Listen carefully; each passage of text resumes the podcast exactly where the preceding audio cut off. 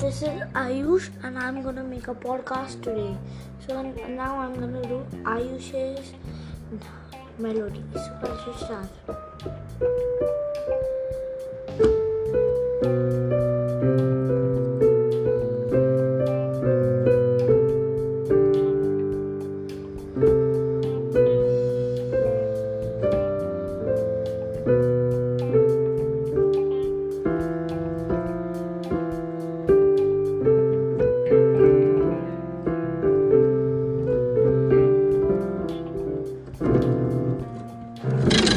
you.